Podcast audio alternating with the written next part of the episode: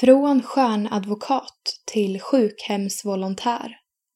En berättelse hämtad ur boken Älska och gör det du vill av syster Sofie.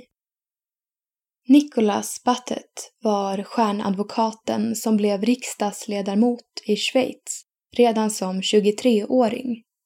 En kille som älskade fester och bodde ihop med sin flickvän. Om det fanns någonting han var allergisk mot så var det kyrkan och påven. Men trots det guldkantade livet var han inte lycklig.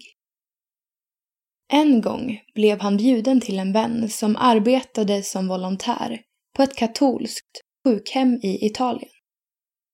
Nicholas var dödstrött när han kom fram, men kompisen bad om hjälp med att byta blöjor på de handikappade patienterna.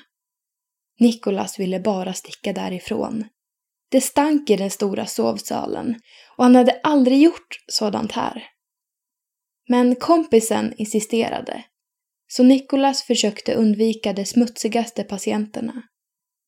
Fast det gick inte heller, för alla hade legat länge i blöjorna. Men efter två timmars arbete märkte han något mycket märkligt. Han kände sig lyckligare än någonsin. Varför? Han hade glömt sig själv och gett sig själv till andra. Den lyckan skulle sätta honom på spåret till Gud. Allt vad ni gjort för en av dessa minsta, det har ni gjort för mig. Några år senare lämnade han hela sin karriär och blev eremit i en hydda i Alperna. Slutligen blev han katolsk präst.